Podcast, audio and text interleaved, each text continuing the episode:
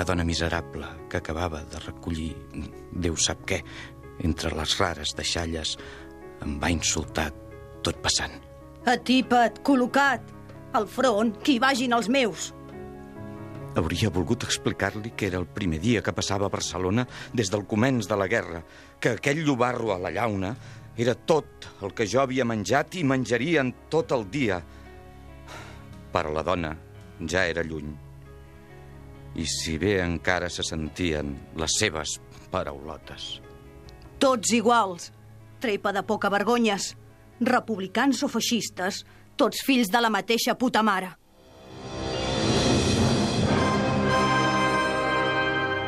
Catalunya Ràdio presenta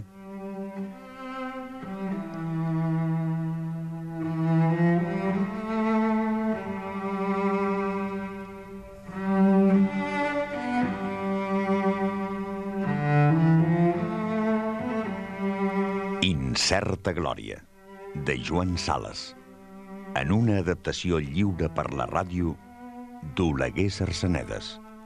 Muntatge Ramon Albero. Direcció Juan Germán Schroeder.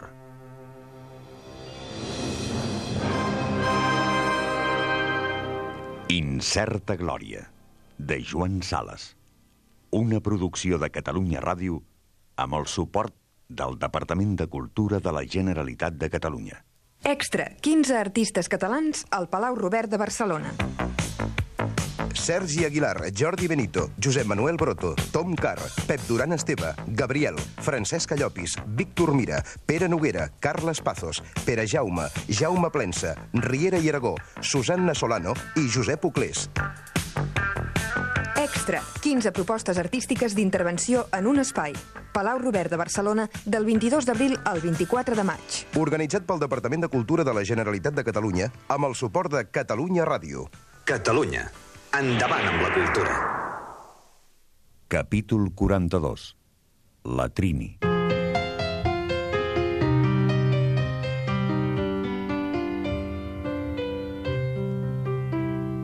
Eren les quatre quan em vaig presentar a la torre de Pedralbes on vivia la Trini. Ella no hi era. La criada em va fer passar al saló, tot dient-me que no podia trigar gaire. Tot el que anava veient m'omplia de sorpresa. No és pas a través de les seves cartes que jo m'ho hagués imaginat d'una altra manera. En realitat, no m'havia imaginat gaire cosa. Jo no sabia d'elles sinó el que me n'havia dit en Lluís i el que n'havia pogut endevinar a través d'aquelles cartes. Aleshores, jo no em preguntava amb quin dret em ficava la vida secreta d'una dona que no coneixia. Em sentia molt segur del camí emprès, convençut que tenia el deure d'ajudar en Lluís a recobrar l'efecte de la seva dona i de posar pau entre ells. No m'adonava que aquell camí era relliscós. Només veia el bé que podia fer a en Lluís i a la Trini. La Trini, aquella anarquista convertida, filla d'una parella unida en amor lliure i vivint-hi ella mateixa, que ara anava a fer, potser, un altre pas en fals.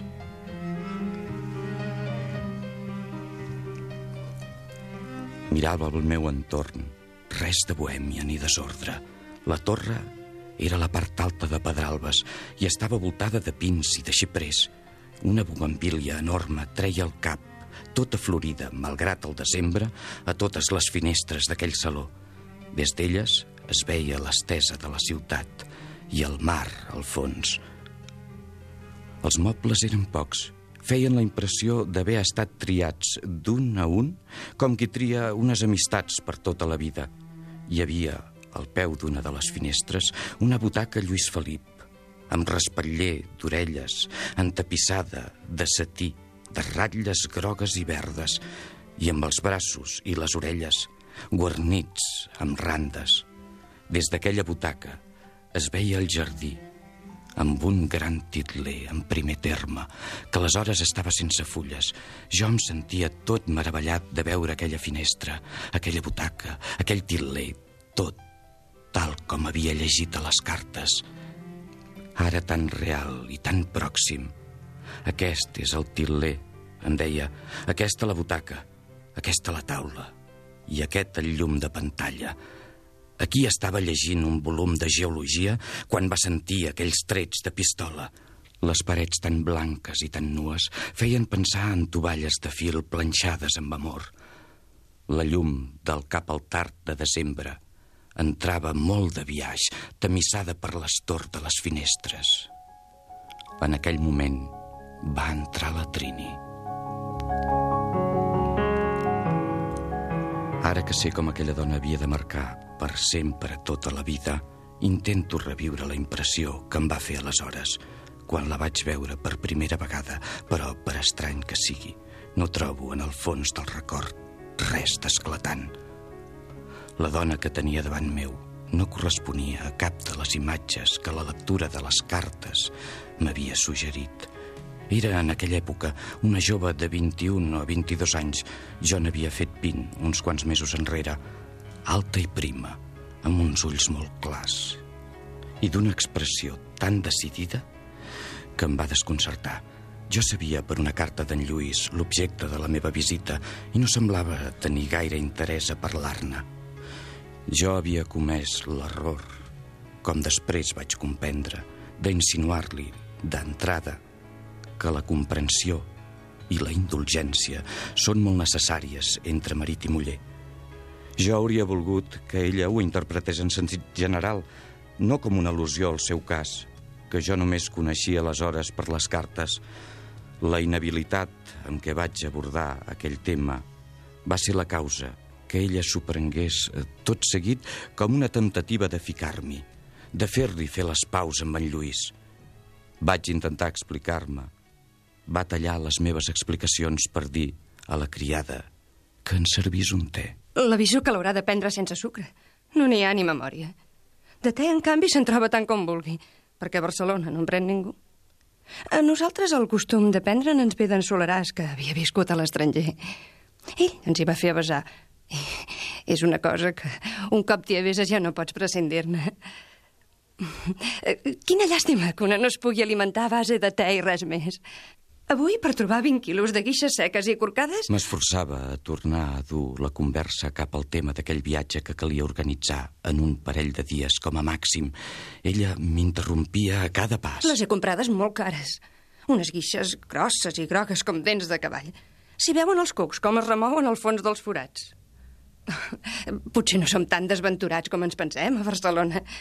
En una fam de debò, deu ser una alegria trobar cucs a les guixes.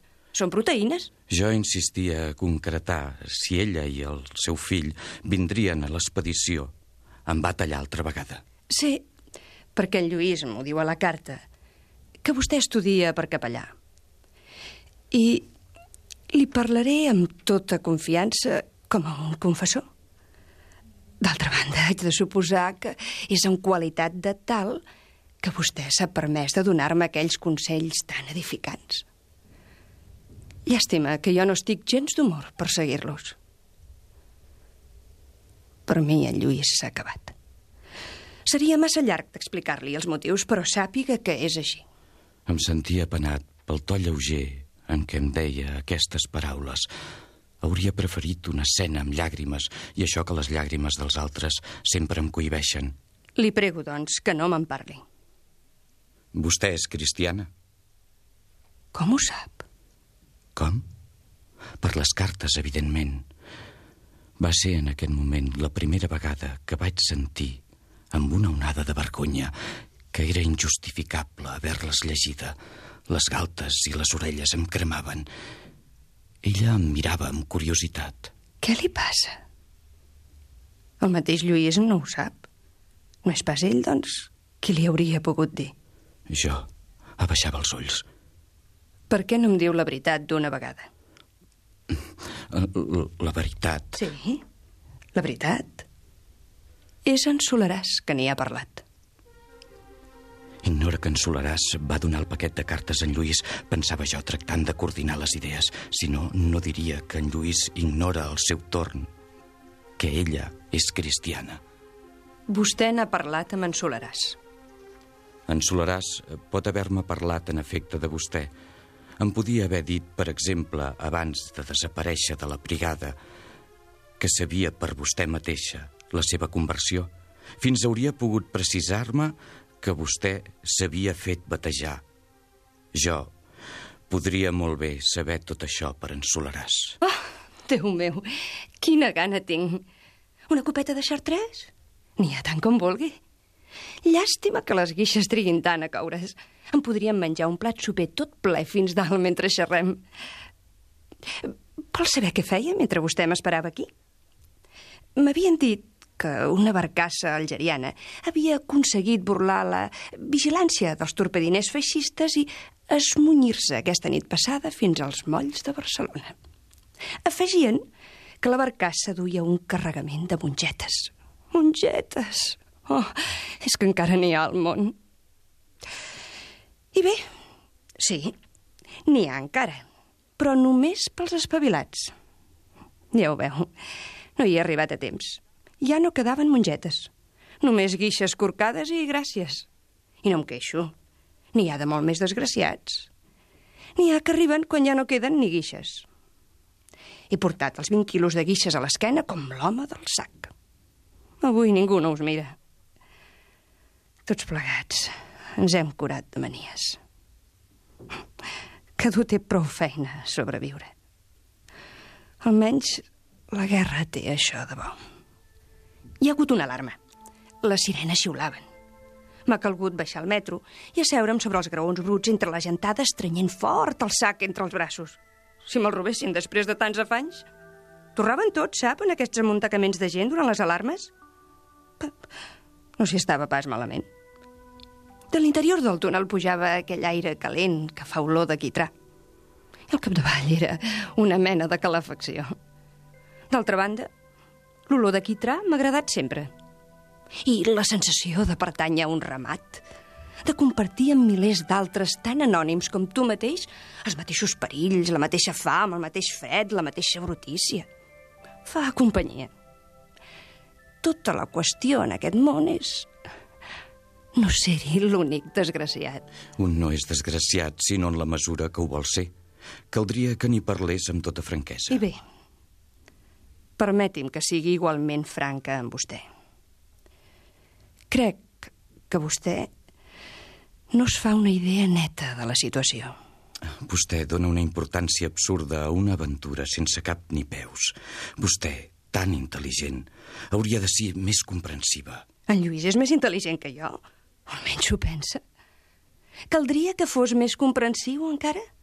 Vull dir si la situació fos viceversa. Mm, Suposem, és una simple hipòtesi, que aprofitant que ell és lluny i no es recorda de mi, jo m'hagués divertit una mica amb algun senyor feudal de la rereguarda. O és que es pensa que no n'hi ha? Que a la rereguarda no hi ha senyors feudals? Uh, n'està ple, eh? N'hi ha molts, moltíssims.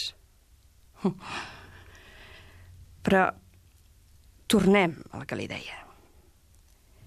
Hi ha coses que, un cop trencades, ja no es tornen a soldar mai més.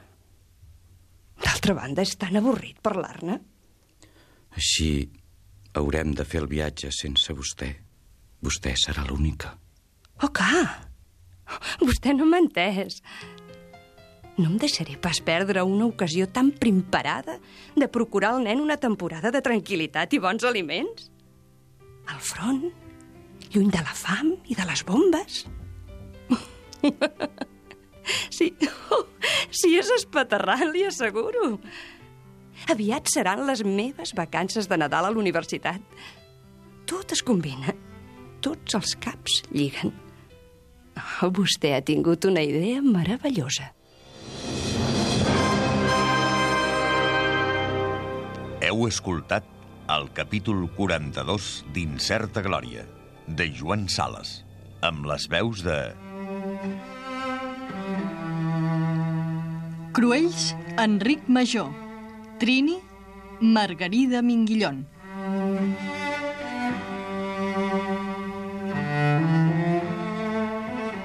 Incerta Glòria, de Joan Sales, una producció de Catalunya Ràdio.